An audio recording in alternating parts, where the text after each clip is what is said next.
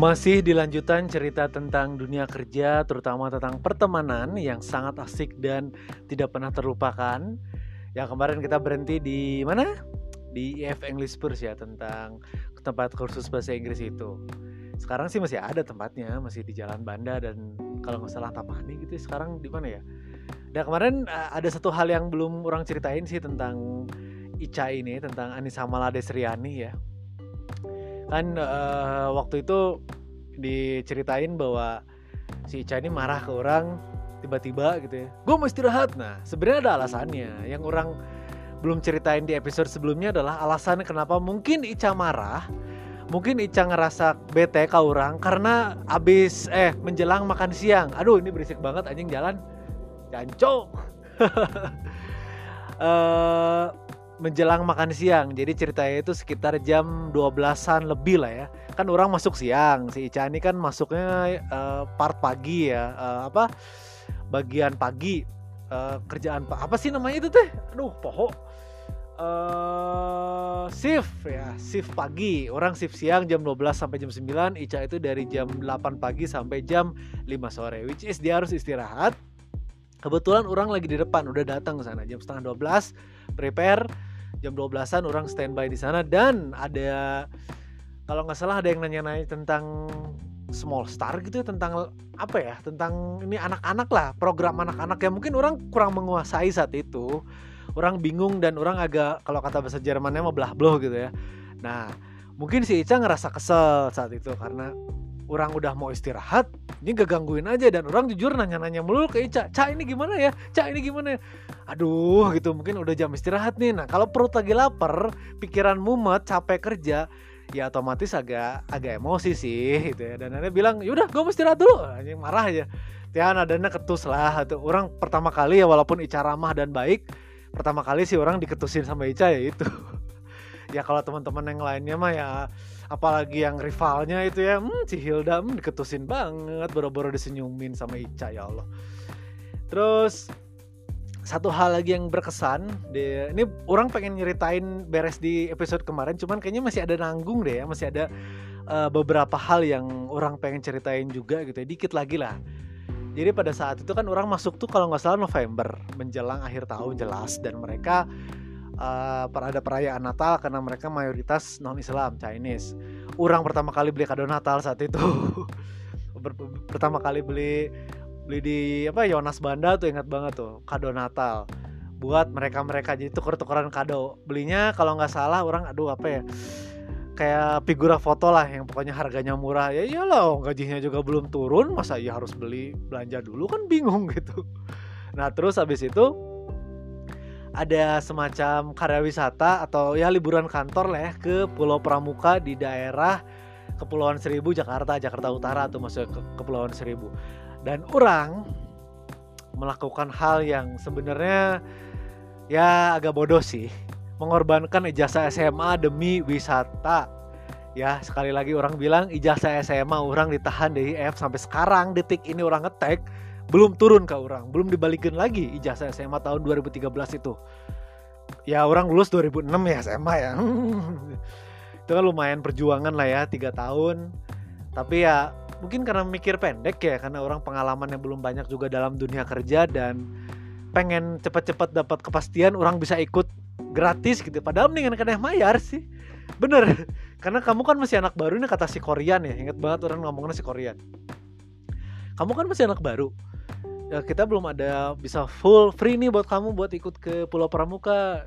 Ada mungkin dikasih bayaran eh dikasih kamu harus bayar sekitar 600 ribuan lebih lah ya kalau lebih seperti itu. Tapi kita juga kasihan ya kali ini kan gajinya juga masih sedikit gitu ya. Ya udah eh, jalan tengah dari kita kamu nitip aja ijazah di sini ijazah SMP atau eh, ijazah apa cek orang eh, kuliah apa SMA ya udah SMA aja. Orang ngasihkan ijazah eta kakak email email itu adalah HRD-nya ini IF juga. Ya sama-sama non lah ya. Itu ke email sebutnya. Namanya emailda atau apalah gitu namanya lupa. Nah orang nitip di situ. Bukan nitip sih sebenarnya kayak nanaonan gitu orang tajuk kata keluarga juga ngapain mendingan keneh mayer dibandingin ijazah. Kalau ijazah ditahan gara-gara aturan kerja is oke okay ya. Kayak misalnya lu masuk kerja di tempat A harus ada ijazah tertentu SMP eh SMA atau kuliah yang bisa disimpan di situ sebagai jaminan masih masuk akal walaupun nggak boleh sebenarnya ijazah ditahan-tahan kayak gitu. Dan orang ngelakuin itu demi liburan. Jadi orang jujur aja piknik ke Pulau Pramuka itu dengan ijazah ditahan di IF sampai orang resign juga masih masih ada di sana dan nggak tahu gimana cara ngambilnya. Karena IF sekarang udah pada baru tuh kak email udah nggak ada. Paling cuma ada si Max doang sama si Chris Chris Liort itu yang kepala sekolahnya bule gitu ya. Eh ngomong-ngomong soal Chris eh. Orang juga pernah dikata-katain. Goblok kayaknya dia memang eta emang orang asli Inggris sih. Si Chris itu kan ya Newcastle. Masa Chris tuh Inggris. Orang British banget. Orang kan beki Inggris ya beki British gitu. Beki apalagi holiganan gitu Persiban. Orang disebut holigan palsu loh sama si Chris. Edan aing di, disebut holigan palsu sama orang Inggrisnya langsung gitu ya malu tapi ya memang wajar aja. Ada orang mana orang Sunda orang Sunda holiganan yang senang bendera Inggris. Kan dulu orang helmnya bendera Inggris sampai sekarang juga masih ada itu karena si Chris kan Newcastle banget ya wajar lah gitu. Orang Inggris asli ngata-ngatain ngapain lu sosok Inggris? Nah gitu. Ya nggak apa-apa orang tetap terima. Asalkan yang ngomongnya memang asli Inggris gitu ya. Kalau yang ngomongnya orang Sunda oke nya kajian diributkan ya kurang mah. Nah habis itu kan uh, kejadian unik juga di apa di Pulau Pramuka itu langsung pergi kan karena akhirnya udahlah jasa ditahan gitu uh, at least orang dapat ACC untuk pergi oke bareng-bareng semua tanpa terkecuali IF Banda, IF Cipaganti pusatnya, BKR sama satu lagi apa ya dulu ada ya? Eh uh, apa lagi sih? Cipaganti, BKR, Banda, aduh lupa eh BKR Banda. Antapani gitu Antapani baru ketang ah ya pokoknya itulah. Cuman berapa cabang gitu lupa. Pokoknya itu. Dan akhirnya orang berangkat berangkatnya malam-malam. Uh, sekitar pada Isa lah ya jam 8an 9 malam kita pergi pakai bis kecil. Terus nyampe sana tuh subuh. Sampai sana tuh sekitar jam 5 subuhan udah nyampe itu dapat penginapan yang oke. Okay. lumayan sih jadi penginapannya tuh kayak kos kosan gitu per kamar. Ada satu kamar dua sampai empat orang lah ya deket ping pinggir laut banget itu beneran. Pinggir laut itu dan uh, kalau nggak salah itu di Pulau Pramuka tuh dari pelabuhan Muara Angke dua jaman lebih eh dua jam kalau nggak salah kalau paling lama dua jam ke Pulau Pramuka itu dan sebenarnya mah nggak ada apa-apa tuh di sana. Pulau Pramuka mah cuman penangkaran penyu anjing namanya naon itu. Tapi ya having fun kekeluarganya itulah yang asalnya mungkin orang dulu bilang di episode sebelumnya kurang begitu akrab sama Eriska gitu kurang nyaman dengan orang-orang. Ini ternyata anjir jelmana karena racurut itu. Ternyata orang juga bisa bercanda-bercanda juga di sana di Pulau Pramuka seru lah. Dan satu momen yang unforgettable adalah yang biasanya bos di kantor kan ada temen nih yang IFBKR namanya Fajar gitu siapa ya? Fajar ya bener ya? Uh, terus dia bawa PS PS2 Aing sok poho PS2 ting PS lo gitu yang jelas dia bawa PS kan di hotel ada TV bener-bener dicolokin dong ke TV hotel. Ayo siapa yang mau tanding ya? Main PS main PS anjir bener marahin PS tidinya dan uh, teman-teman tuh ya lagi pada nongkrong di pinggir laut sambil bawa gitar nyanyi-nyanyi. Ya pokoknya kekeluargaan banget sebenarnya teman-teman yang main PS itu lagi nungguin si Korean Nah, hati datang-datang, ternyata memang tidak diperbolehkan sama si cicinya, sama pamajikannya anjir. Bener eh, ngerasa bos di kantor eh di luar mesin ke pamajikan. Karena bener pagi-paginya pas orang lagi ngopi ya ngeliatin sunrise, walaupun gak sunrise-sunrise banget karena saat itu mendung cuy di Jakarta. Terus ngeliat ya lagi ngelamun ngeliatin pemandangan laut lah ya tiba-tiba si Korean dari kan hotelnya berbeda kalau para bos itu kayak si Korean si Komex itu di beda penginapan orang sekamarnya jeng si Kolim ya Lim Hindiarto lah itulah sama anaknya tuh yang kecil Nah terus tiba-tiba Korean datang dengan jalan cepat. Tuk tuk tuk tuk tuk tuk tuk tuk. Dari hotel tuh sekitar jam berapa ya? Jam setengah tujuhan pagi lah aduh cek orang tuh ayo naon nih si Korean lompatannya? Jalan cepat itu takutnya kan tetah gawe. Si bos teh karena naon lulusuhan kia gitu kan kabar udah terus akhirnya uh, langsung lah ngetrokin itu bener ngetrokin ke kamarnya Fajar tok tok tok tok gitu. Uh, buru-buru eh main PS main PS main PS si Fajar masih sare kena sih tetah main PS emang tetah gawe sih emang bener. Tetah gawe ke si Korea tetah ke bos tetah gawe main PS kalimat nu orang ngedengnya adalah uh, buru-buru mau si, si, si Cicina sare kena oh kemarin cina temenang ya karena kudu sare gus puting cina waduh si Korea bener. Terus saya emang bener dia pakai celana kolor main ke kamar itu dan main PS bersama teman-teman. Mana ada sih bos yang kayak gitu sih koko? Aja dulu jalan cepat demi main PS nya seru lah. Udah gitu hal yang unforgettable lagi satu lagi ini kita terancam mati semua loh teman-teman IF Bandung itu terancam meninggal dunia semua di di tengah laut itu ya Allah. Karena kapal penyeberangan yang kita naiki dari Muara Angke kan masih sama kalau nggak salah kapalnya. Nyampe sana terus dapat lagi. Dan itu kapal kita yang kita naikin itu mogok di tengah laut cuy. Bayangin ini tengah laut Jakarta angin sepoi-sepoi. Ngelihat di ujung sana gelap banget hujan. Deg-degan anjing. Terus saya temen orang karena Yadi si Yadi uh, dia jeng orang di di dek kapal di di kayak ros lah ya gitu. Di apa di luar. Karena haridang di, di dalam engap gitu. Udah kebanyakan orang. Ini orang sama Yadi di luar. Orang mah cuma nundutan si Adi mah sare asli. Si Adi udang ya iya kapar di telum cek ah yang cicing ke sare cek goblok. Iya terancam tewas kabeh kia si Adi mah sare. Yang di dalam udah baca Allahu Akbar Allah ini gimana? Karena kita terombang ambing lah mati sekitar setengah jam ya. Setengah jam tuh kita mati di di tengah laut kapalnya gitu ya. Terus hari alhamdulillah bisa jalan dan nyampe ke Muara Angke yang bau. Beneran itu bau ikannya kaki aja bau ikan. Eh banjir. Ah, nggak ngerti lah sering ada banjir rob gitu di sana ya. Bingung orang juga. Jadi di Muara Angke akhirnya kita sampai sore-sore ya alhamdulillah selamat semua lah gitu. Diberi ditang tayungan kayaknya ke Gusti Allah selamat kabeh alhamdulillah. Dan terima kasih juga buat IF English Spurs teman-temannya baik-baik seru dan tidak pernah terlupakan lah. Ya mungkin jangan dilupakan adalah ijazah SMA orang balikin woi! Oke, okay, IF udah beres. Kira-kira ada pertemanan yang seru lagi di mana? Di orang kan banyak uh, mencolok-mencolok kerja walaupun ya namanya juga butuh ya. Dulu zaman itu masih muda dan masih diakui gitu ya. Kalau sekarang mah sulit. Oh iya tadi orang pas ngetek ini orang kesel sih.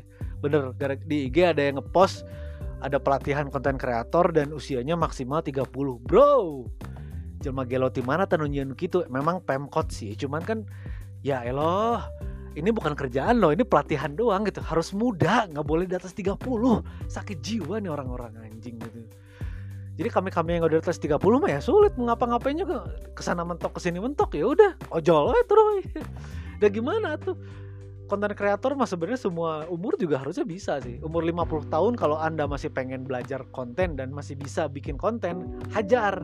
Hayu belajar gitu. Tapi ternyata kenyataannya apalagi dunia kerja gitu. Dunia kerja zaman sekarang ya makin sulit buat orang-orang yang usia di atas 30 ya makin terbatas. Hah, emang.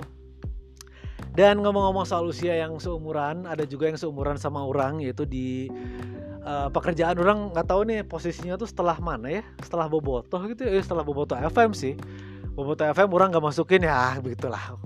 Di Persiban lah itu di, di radio lah orang yang paling berharap banyak itu di La Vienna Wedding Gallery sih. Tapi ini nggak orang nggak terlalu banyak cerita karena ya temannya cuma si Imas doang ya. Imas Messi toh ya tahungko dan si Tuti ya Tuti Sukarya atau dulu namanya Ibu Tuti orang oh nah disebut ibu dah. Orang bos emang eh, enak bos? Orang makan enak gak tentunya? Tuti we dah karena umurnya sarua cuy 88 sama lahirnya. Jadi saat itu orang 26 dia juga 26 ya namanya usia segitu ego lagi tinggi-tingginya dong ego lagi tinggi-tingginya dan ngerasa dia punya kuasa ah pokoknya gak nyaman lah orang tidak tidak begitu nyaman sih kerja di sana orang mikir La Vienna Wedding Gallery itu orang kerjanya memang marketing sih. Kirain bakal kerja di pas hari Minggu doang pas event uh, pernikahan karena menurut orang orang yang kerja di event pernikahan itu keren yang pakai kayak kayak orang di event lah. Sibuk, riuh gitu kan merasa gagah gitu. Ternyata orang kudu ngejual nyebar-nyebarin kartu nama dan harus diburu-buru. Ya gimana tuh? Orang nggak bisa milih kartu nama itu secepatnya. Karena kan kita kalau misalnya nyimpan kartu nama dan brosur di hotel itu di hotelnya bebas mengambil siapa aja. Weddingnya mau siapa mau kalau dulu ada baiti gitu terus juga bebas lah nggak kecuali ada kerjasama. Dan kebetulan sih itu idealismenya cukup tinggi.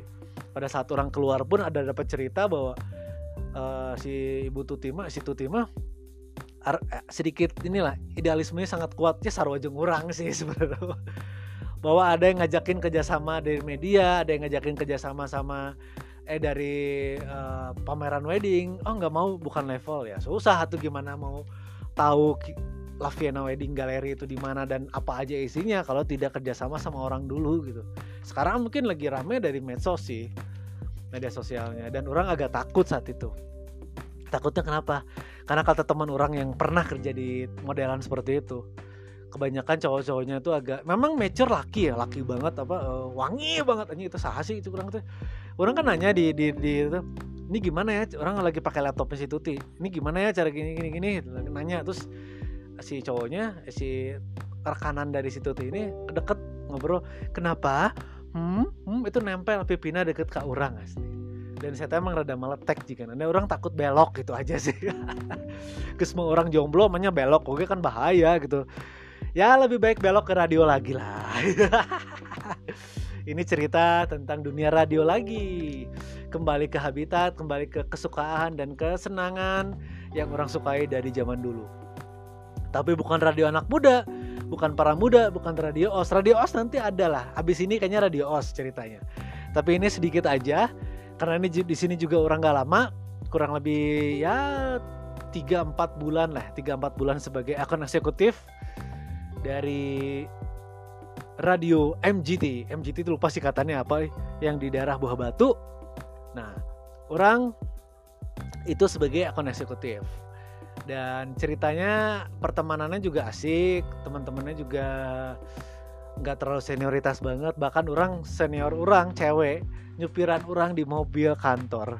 Karena orang tuh bisa nyetir mobil, saya bawa mobil kantor dan disupirin orang kemanehna. Kok aww disupiran? Memang bukan orang Bandung sih dia orang daerah mana gitu ya dan nggak bisa bahasa Sunda gitu. Lupa namanya siapa. Dan ada satu momen lagi satu sosok yang mungkin di kalangan MC dan radio dangdut udah terkenal sih. Namanya sama kayak orang Dadan.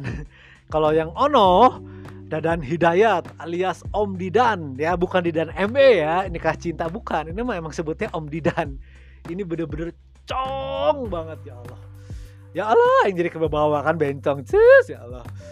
Jadi Om Didan ini juga umurnya entah sama atau beda kayaknya lebih tua sih. Tapi satu hal dia tuh unik gitu. Unik karakter yang orang suka dari dia tuh dia tuh di kulitnya selalu pakai bling bling selalu pakai kayak bercak bercak gitulah. Kayak yang buat nikahan tuh ada yang kertas-kertas mengkilap. Nah itu di tangannya selalu kelihatan dada uh, kemejanya selalu dibuka dua biar kelihatan. Dan memang hotel dan beberapa kafe emang serak dan emang cocok sama si Om Didan ini. Dari segi presentasinya dari segi mungkin pertemanannya karena memang friendly. Orang seperti itu friendly dan asik memang bener. Tapi ada satu momen di mana pada saat itu kita ada pengajian malam. Eh pada maghrib Om Didan adzan dong. Karena yang nepo bisa nacong jadi laki banget. Siapa pakai kopea pakai inget banget pakai apa apa baju koko warna merah pakai sarung. Eh laki banget cek orang tuh. Gaya eh laki cek eh pas ketemu lagi hari kerja di hari Senin meletek deh kelakuan anak itu. Tapi memang dia laku banget sih memang ya dan kalau nggak salah sekarang dia di Cosmo deh. Entah penyiar entah produser atau mungkin marketing lagi. Dan di kalangan marketing radio Om Didan Pelani ini sebutnya Didan Pelani ya.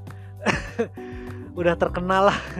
Apalagi radio dangdut ya di Dan Pelani Dahlia eh, mungkin sekarang Dahlia atau Cosmo nggak tahu lah dia. Cocok sih emang di radio kayak gitu. Sedangkan di radio yang pure dewasa kayak dewasa muda kayak MGT mungkin agak aneh sih mencukur orang walaupun dia senior juga gitu. Tapi ya baik lagi seru lah uh, dia nggak pernah pakai motor ya selalu diantar sama sopir gitu. Tapi salah satu pertemanan yang unik lagi adalah manajer barunya manajer marketing dulu ada Pak Yudi tapi sekarang eh, pas saat itu ganti menjadi Kang Hendy dan jebolan dari alumni Cosmo Radio Cosmo yang di daerah Pasteur kalau ya ya benar Pasteur ya?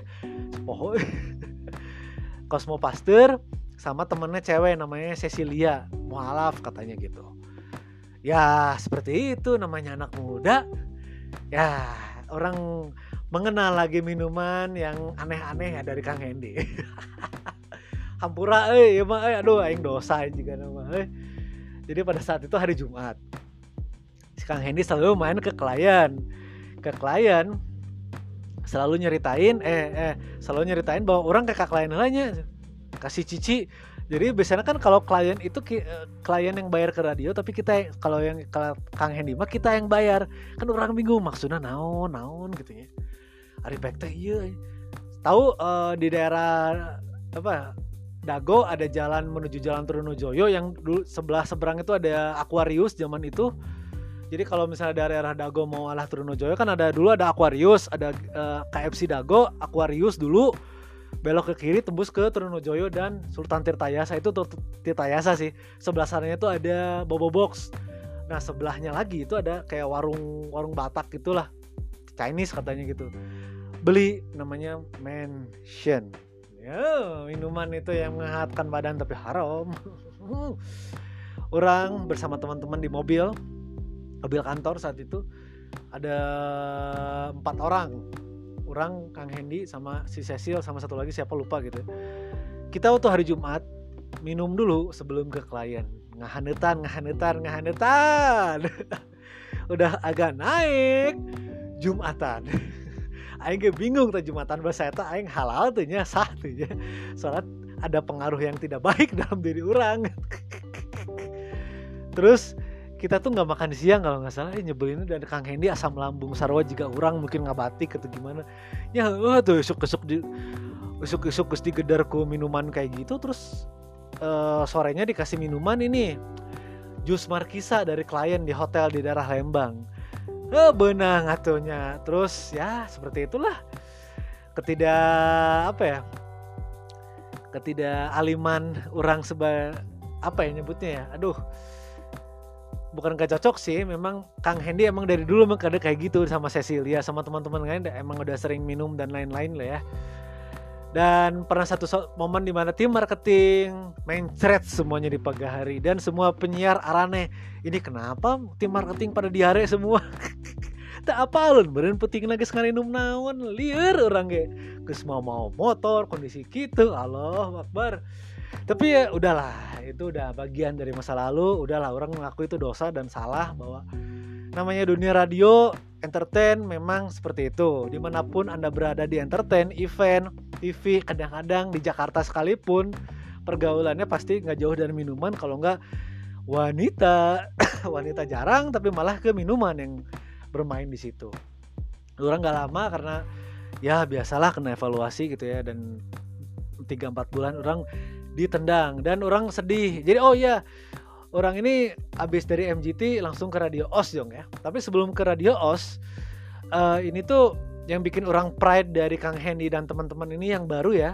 Karena kan generasi yang lamanya kan orang sama si yang bisa nyetir mobil itu sama si Om Didan Didan Pelani. Didan Pelani udah resign masuklah generasi baru. Inilah generasi barunya Kang Hendy Cecilia dari Cosmo itu tetangga orang di rumah teman SD eh teman SD lagi teman teman main si Isa Isa namanya Trisha Isha lalaki tuh yang dekat R, pokoknya RT 3 lah.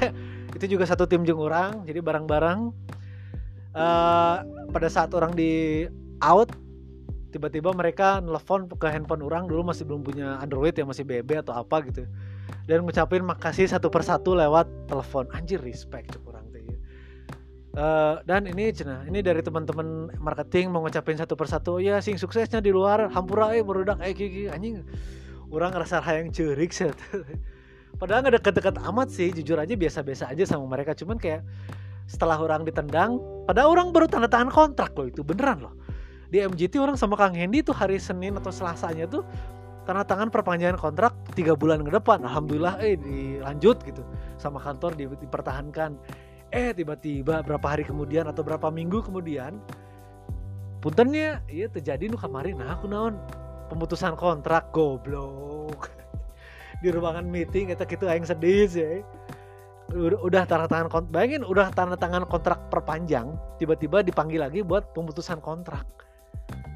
Anjir hopeless lah ini untungnya bonusnya cair nah Kalau masalah bonus yang tidak cair, ada di radio yang selanjutnya.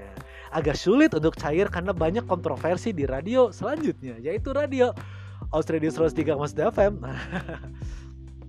Memang ini salah satu uh, apa ya? Salah satu mimpi sih, mimpi dari dulu dari SMP kan dulu pernah pengen banget siaran radio alhamdulillah kecapai di 2007 2008 megang siaran Os Club Show di Radio Os setahun. Eh, nggak uh, dibayar itu jelas. Dan orang berharap semenjak itu pas kuliah sekalipun orang berharap bisa kerja di Radio Os dan tanda tangan kontrak di Radio Os dan bisa dapat salary gaji dari Os. Entah kapan orang berharap berharap terus akhirnya pret dapat orang mikirnya kan orang dapat darah di OSO dari Job Street. Biasanya kan orang kalau uh, ngeplay dari Job Street susah masuk ya susah untuk diterima gitu. Mustahil lah kecil kemungkinan. Tapi ini yang mungkin rezekinya ke sana. Alhamdulillah dipanggil. Yang interviewnya pun langsung dari Jakarta cuy. HRD-nya pun HRD dari Jakarta dari OS Network. Dan nilai yang bi biang masalahnya di sini. Nanti orang cerita ya. OS Network uh, oh saya suka CV kamu. Kayaknya kamu tertarik nih sama radio os gini gini gini. Ya dan mbak saya kan udah udah lama di radio os jadi anak os club gitu kan. Dan begitu masuk ke radio os pun teman-teman kantor mah ya ah sih ya deh. Uh, memang karyawan baru tapi muka lama gitu. Karyawan baru stok lama ini mah udah sering dilihat anak-anak os muka orang udah pada apal apalagi dengan karakter yang suka Persiban, sepak bola dan sering menggunakan baju biru gitu ya. itu udah pasti menjadi ciri khas lah di Radio Os dan ya gak usah kenalan lagi ini nama aku Dadan segala macam. Enggak langsung aja deh memang udah pada kenal pamintanya juga udah pada kenal ke orang gitu ya. Udah sering di Os Club kan training siaran dulu. Pada saat kerja di OS di Radio OS sebagai marketing akun eksekutif AE ini luar biasa sih unforgettable-nya, woi ini ini paling the best. Ada satu sosok yang bakal ulang cerita, tapi sebelum ada satu sosok itu, yang paling gak pernah dilupain adalah akhirnya orang buka ID card Radio OS. Bener-bener bukan OS Club loh, tapi kru Radio OS yang orang harapkan dari semenjak remaja, dari semenjak orang kuliah juga berharap punya nama itu dan ada kartu namanya bernama Dadan Rizky Ramdhani account eksekutif wow my dreams come true ya Radio OS ya. Walaupun bukan produser bukan bagian dari tim on air tapi orang bagian dari orang-orang yang mencari nafkah untuk kehidupan radio yaitu akun eksekutif alias marketing. Pekerjaannya ya begitulah. Kalau nggak salah orang sampai tujuh bulan di sana. Enam bulan sih tapi ditendang tapi ada masa perpanjangan satu bulan. Jadi kurang lebih ya tujuh bulanan lah. Kenapa orang ada suka dan duka. Dukanya mungkin karena orang sedih ya impian orang hancur di bulan ketujuh. Karena kenapa bisa seperti itu? Karena orang sudah mulai bete sama radio sudah mulai kesel. Karena sistem pembayaran untuk bonusnya terbalik ya. Sekali lagi ulang bilang terbalik pada masa 2015 2016 itu. Pada saat orang resign 2 sampai 3 bulan aja masih belum lunas itu. Orang uh, apa bonus dari marketing tuh hampir 3 jutaan lebih cuy. Karena ada klien yang bayarnya 10 juta. Kan 10% ya. Ada yang dapat satu juta ada yang dapat 500 ada yang dapat 300 ya total total mah dari semua klien yang orang pegang yang orang berhasil dapetin itu 3 jutaan lebih. Kalau nggak salah orang juga agak lupa sih. Pokoknya sekitar 3 jutaan lebih lah. Tapi hararese klien lunas aja masih belum pada mau bayar itu karena sistemnya tuh radios itu yang bikin orang kesal adalah sistem pembayarannya langsung ke finance. Ya aja jelas lah nggak mungkin ke marketing dulu. Dan finance harusnya langsung motong 10% hak dari marketing dari dari AI nya ternyata enggak gitu. Si 10% itu ditunda-tunda bro. Ah kesel banget itu. Dan hasil uang misalnya 10 juta dari klien nih itu langsung ditransferin ke OS Network.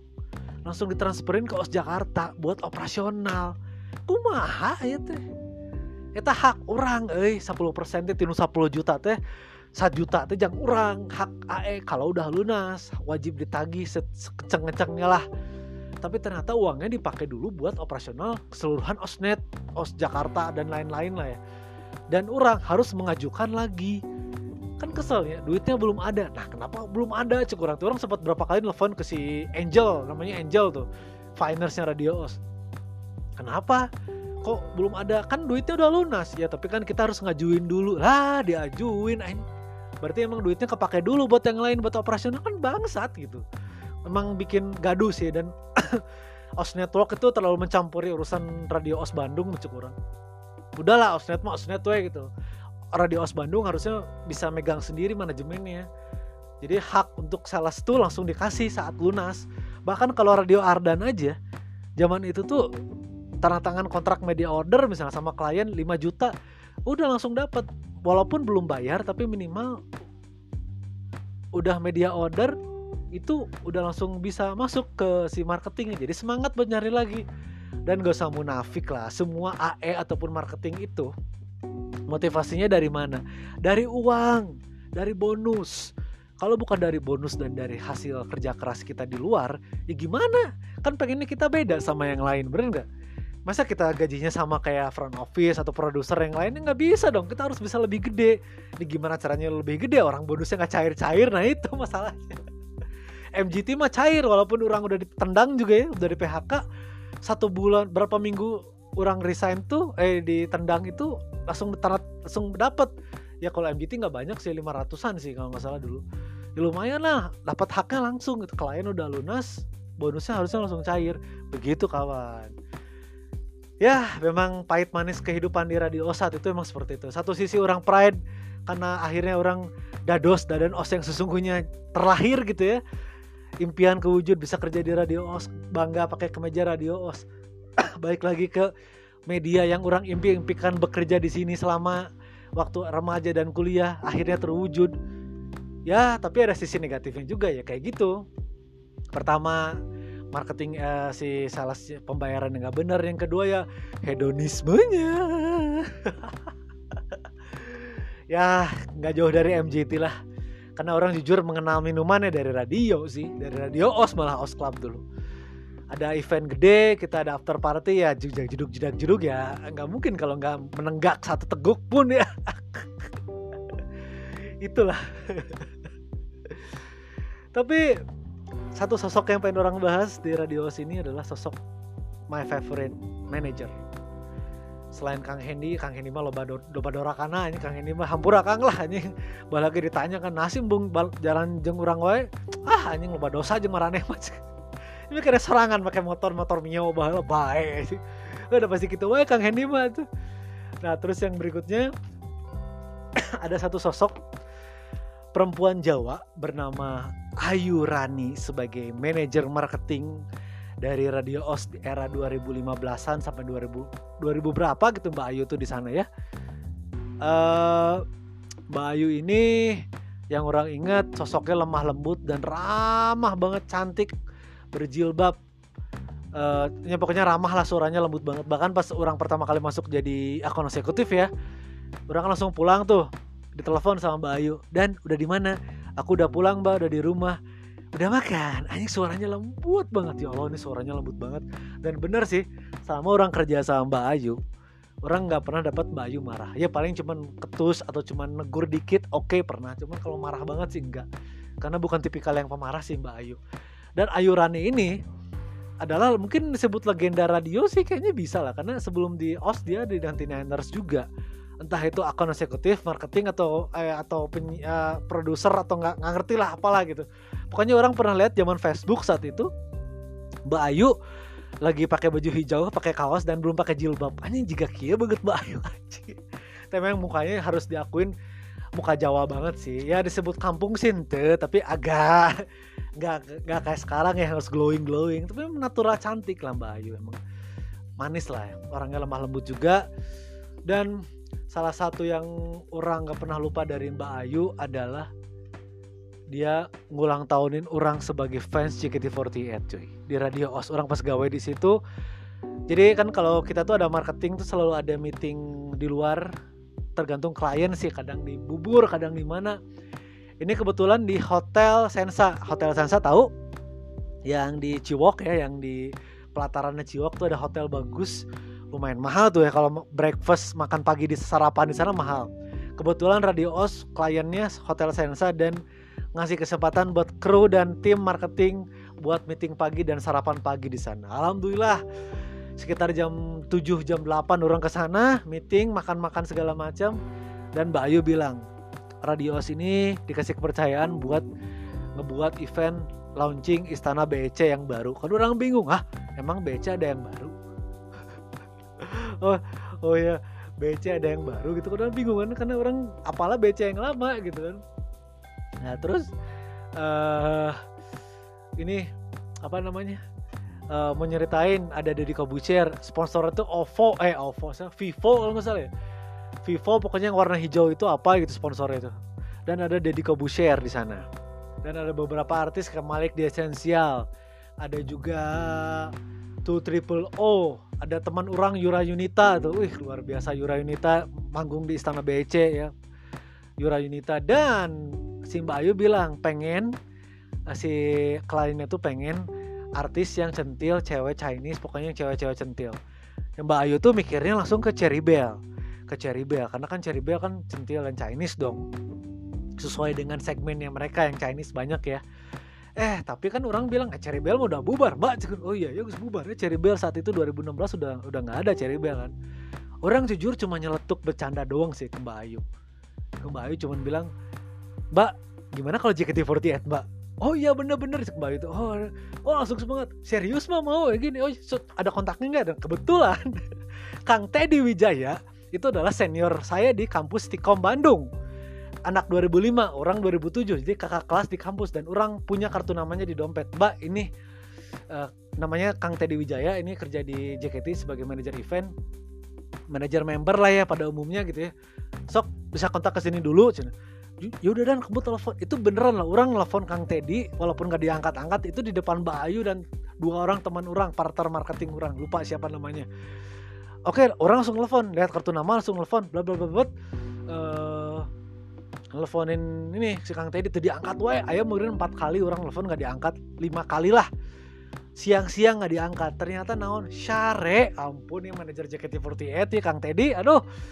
Sare wae suka-suka ternyata pada saat orang lagi ada di klien ya anggap aja oh mungkin ini mah sekadar bercanda doang. Ternyata beneran didealkan sama Mbak Ayu. Alhamdulillah ya. Terus orang nanya ke Kang Teddy tetap nelfon dong pada saat orang habis dari Pemkot Bandung. Kebetulan Pemkot Bandung tuh jadi klien orang. Kang akhirnya diangkat. Di mana kar di imah karena ke sare oh sare wae. Itu sekitar jam setengah duaan. Manajer mah gitu berenya sarena isuk-isuk. Terus kumaha hari JKT jadi nu? Radio os jadi mau kontak JKT buat event BC oh nu di BC jika nama jadi sih dengar dengar kabar mah jadi. Oi orang langsung alhamdulillah jadi. Cuk orang teh terus orang lain dulu jam masih pakai line ke Bayu kan. Masih pakai line dan bilang Bayu JKT48 jadi nggak? Dealnya berapa jadinya? Jadi dan. Wah berapa mbak? Jadi karena setahu orang JKT48 itu 150 juta per 6 lagu. Ternyata dealnya 95 juta ya. 95 juta JKT48 di Istana BC 2016 itu. Per 6 lagu juga. Yang kontaknya sama siapa? Kira ke Kang Teddy. Ternyata ke Bang Togas si Togas Togas itu adalah kalau di event itu sering buat blockingan. Yang badannya gede pakai tas sering bawa tas. Wah atletis lah putih botak. Orang Batak sih dia. Botak Batak tuh kan. Dia sering bikin nomor-nomor blocking di stage. Itu Bang Togas. Dan kebetulan Bang Togas itu adalah mantan dari uh, karyawan dari Radio OS Jakarta. Mantan dari OS Network juga. Jadi masih satu relasi. Ya lumayan atuh JKT48 dari 150 juta turun. Yang mentok-mentok sih yang tahu orang setahu orang ya. Anak-anak pensi Bandung aja paling mentok tuh 13 13 atau 12.5 itu paling mentok JKT48 mau. Tapi ini mah 95 juta cuy JKT walaupun tim Katri nah awalnya kan pengennya kan Nabilah yang ada melodi pengen yang ada Nabilahnya yang ada Harukanya kan nggak bisa. Mereka lagi teateran di Jakarta jadwalnya bentrok. Orang selaku fans nih tim Katri yang main tuh Katri ya tim keduanya JKT ini Katri itu ada Naomi ada Lydia ada ini ini ini ini ini. Ini ceritain naon sih nu karadi orang mah ngerti. Ya mana mah resep JKT cek kurang tuh cek teman marketing gitu ya. terus akhirnya oh ragu-ragu ini beneran mau nggak mengambil JKT karena bukan tim inti ini tim keduanya. Mau nggak tim cateringnya ternyata alhamdulillah mau. Yang datang tuh kan Lydia Naomi. Siapa lagi? Sih eh, Sisil. Siapa uh, tapi nggak ada Vini sih. Uh, siapa itu tuh ya? Ada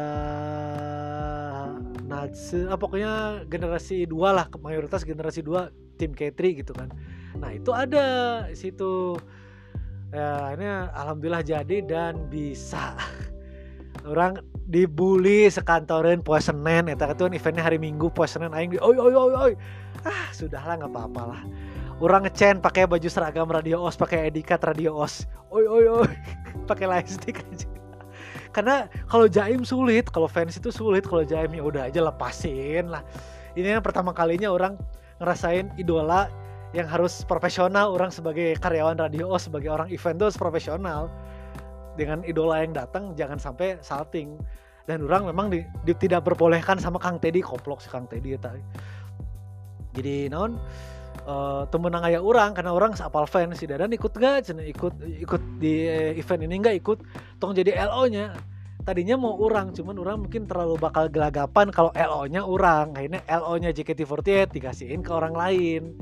Orang LO nya kalau nggak salah dulu itu adalah panti asuhan. Panti asuhan yang Kristen sama yang Islam orang dulu megangnya.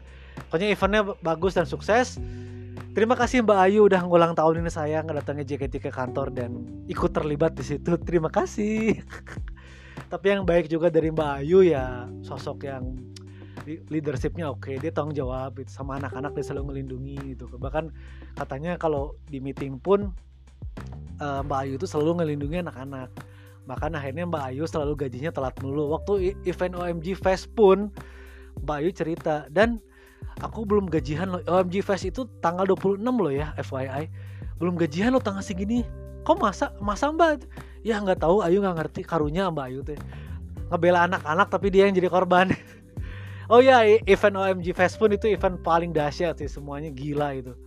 Wow ada Malik Gesensia Tulus Kahitna. Orang terlibat di situ sebagai karyawan dan sebagai ya udah udah hafal juga sih ritme event di Radio Os dong. Berisik banget ini di talkie talkie di telinga banyak yang cari muka anjing kesel anjing. Karena si Mbak Ayu nggak pakai kan nggak pakai walkie talkie ya udah kalau cari Ayu katanya cari aja di depan aja jengurang di oh ya udah selesai lah makanan banyak alhamdulillah tapi satu momen terakhir yang orang respect sama Mbak Ayu adalah di saat Lebaran. Menjelang Lebaran kan orang belum dapat dapat duit e, dari OS kan yang yang terakhiran itu yang apa namanya yang bonus itu belum cair-cair. Ini orang kehel banyak aku ramain aja di Twitter atau gimana mah nggak usah. Ini mah tanggung jawab Ayu cina. Anjir respect cek gitu nah itu tanggung jawab. Jadi Mbak Ayu terus menerus ngepush supaya duitnya cair. Dan ternyata bukan orang unggul yang bermasalah dalam hal finans uh, gak cairnya bonus. Ternyata teman-teman yang lain yang di Jakarta pun banyak yang sama bermasalah. Wah kacau kurang terima nah terus yang uh, berikutnya ini apa uh, pada saat menjelang lebaran orang kan galau nya jalan-jalan sendirian di daerah dalam kaum. Ini orang minjem duit bener ke Mbak Ayu 250 ribu. Mbak aku boleh pinjam duit 250 ribu nggak? Ini buat belanja lebaran oh ya udah nanti pot, uh, bayarnya lewat bonus aja. Ternyata bener dong ditransferin pas Amin satu. Nuhun pisahan Mbak Ayu. Ah pokoknya respect Ayu Rani semoga bisa ketemu lagi buat Mbak Ayu lah pokoknya tetap kawai nggak tahu nih beliau udah punya anak atau belum kita lihat nanti ya Terakhir, dikit aja ini tentang uh, dunia pendidikan. Balik lagi orang dulu di IF, radio, radio lagi, sekarang ke institusi pendidikan yaitu Smart Center Marga Cinta atau Reksa Education Center, bimbel bimbingan belajar Reksa Education. Oh banyak lah. Dipindah-pindah sih orang di sini ceritanya banyak. Kan orang ngelamarnya sebagai kepala cabang Semar Center tuh di Marga Cinta tapi dipegang ditempatin dulu di pusat di Pahlawan sebagai marketing. Oke okay, nggak masalah. Akhirnya udah satu bulan bekerja sebagai marketing orang dipindahin lagi ke ke inti kerjanya sebagai megang cabang. Lumayan. Dapat teman-teman yang lumayan terutama dari segi guru ya. Ada yang cantik ada yang gebetan. Uh anjing well sih guru-guru. Reksa mah lumayan lah ya. Terus uh, ini apa? Banyak ilmu yang orang dapat juga. Ilmu public speakingnya dapat lagi di Reksa karena tur ke sekolah-sekolah presentasi di kelas-kelas. Dari mulai dari SD SMP SMA gitu ya. Kalau zaman kuliah dulu orang presentasi di sekolah juga. Sekarang dilanjutin lagi di di sini di Reksa gitu. Pertemanan asik. Ada sosok Demas juga yang uh, teman satu fans MU Pak Robi yang ya Liverpool sih tapi dia emang ya gitulah kaku islami banget. Memang Reksa ini rumah eksakta khusus untuk IPA dan lebih ke islami bimbel islami sih. Pertemanannya juga campuran bahkan akhirnya ikut kerja sama-sama sekolah alam. Orang kan bingung akhir nama. Orang teh gawe teh di mana di pingpong kali itu kadi asli katanya. Orang gawe di Smart Center cukup menikmati guru-gurunya asik ada yang cantik ada yang bisa diajak ngobrol asik ah pokoknya. Ada yang dideketin tapi itu jadi. Adalah salah satu guru lah ya. Guru dari inilah ya eksternal sih bukan guru inti bukan dur, bukan dari reksa banget tapi dari dulu tuh kita reksa itu kerjasama sama uh, apa? Private Bandung. Nah itu guru cabutan sih diperbantukan kalau guru utamanya tidak hadir gitu udah udah hampir setahun orang megang smart center alhamdulillah megang cabang dari operasionalnya keuangannya administrasinya marketingnya bagi-bagi brosurnya. Ah semuanya pokoknya pegang ke orang karena orang tidak ada partner kerja lagi. Harusnya ada front office harusnya ada guru tetap tapi tidak ada. Ya orang awalnya kekeh sama Pak Farid dulu bos orang. Pak ini harus ada front office tapi ah kadia kadia mah ah sorangan malah bisa kok dihandle sendiri. Alhamdulillah bisa ke handle tapi tutup ya Gusti. Udah setahun orang di situ tutup dan bangkrut. Reksa nutup dua tempat ya. Uh, nutup Karawitan sama nutup Semar Center. Tinggal nyisa Antapani sama Pahlawan saat itu. Ada sosok namanya unik juga. Ini duitnya banyak banget ini pakai mobil Brio ini Pak Yoga. Yoga lah ya. Aing seumuran sih masalahnya. Dia megang dosen juga dosen di Unpar kalau nggak salah dia juga sipil kan umpar jurusan sipil. Dan juga megang proyekan banyak dan di Reksa juga megang proyekan banyak banget sih. Dan salah satu proyeknya itu adalah smart center sebenarnya. Tanggung jawab Pak Yoga. Jangan Pak Yoga terus gak pernah datang gak pernah ngalongok orang di kantor di smart center Marga Cinta. Eh wah ngalongok ke Jeje Acan sekali-kali Acan cam pernah Pak Yoga. Asli padahal rumah mertuanya katanya daerah situ bahagia permai deket kan. Tapi ternyata nggak bisa ya akhirnya bertahan cukup lama 2 tahun tapi ternyata tutup juga.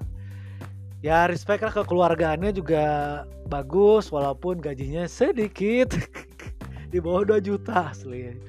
Paparinnya oke okay, rame. Papa yoganya sering bercanda. Pas bertemu orang partner yang the best sih Demas itu juga bukan hanya sama-sama fans MU tapi cocok lah kita partner kerja yang cocok sama Demas ya orang dapat di situ. Pergantian-pergantian banyak ada Esha ada segala macam segala macam tuh siapa ya? Yang cewek dulu awal-awal tuh Echa ya orang Batam gitu kalau nggak salah.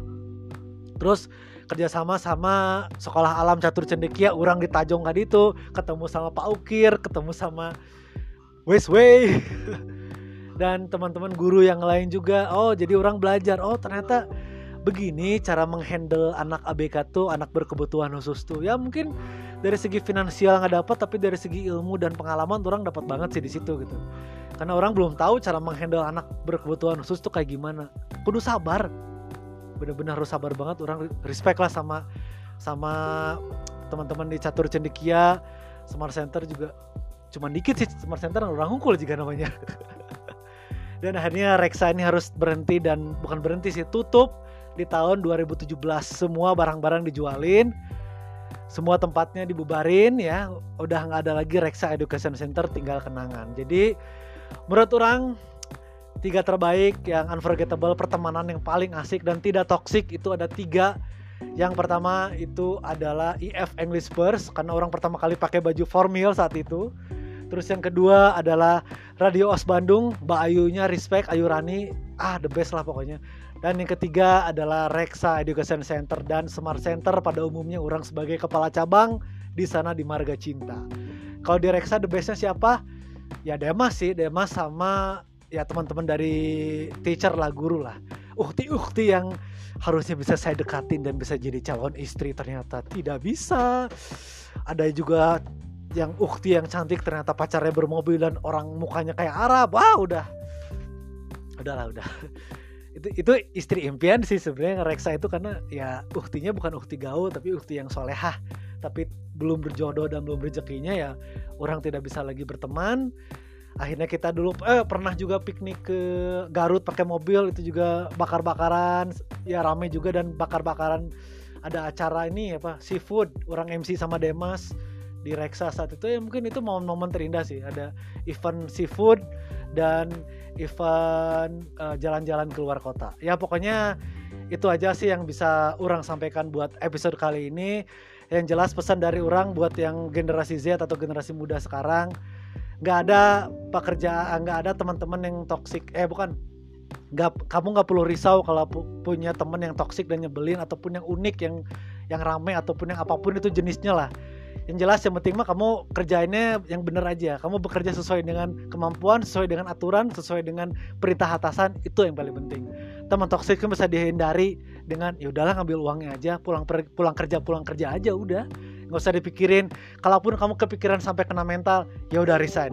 Resign adalah uh, resiko terbaik yang pernah yang kamu harus lakuin. Ya resign kalau enggak kamu tetap bertahan dengan butuh duit di sana kerja kalau enggak ya kamu out aja cari kerjaan baru walaupun sulit dengan usia yang orang udah 35 juga ah udahlah lupain aja ya Oke, terima kasih atas waktunya. Mohon maaf ada kesalahan kata.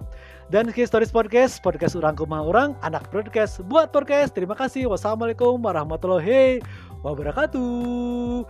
Dadah. Jalin terus pertemanan yang asyik pokoknya ya. Hidup Persib.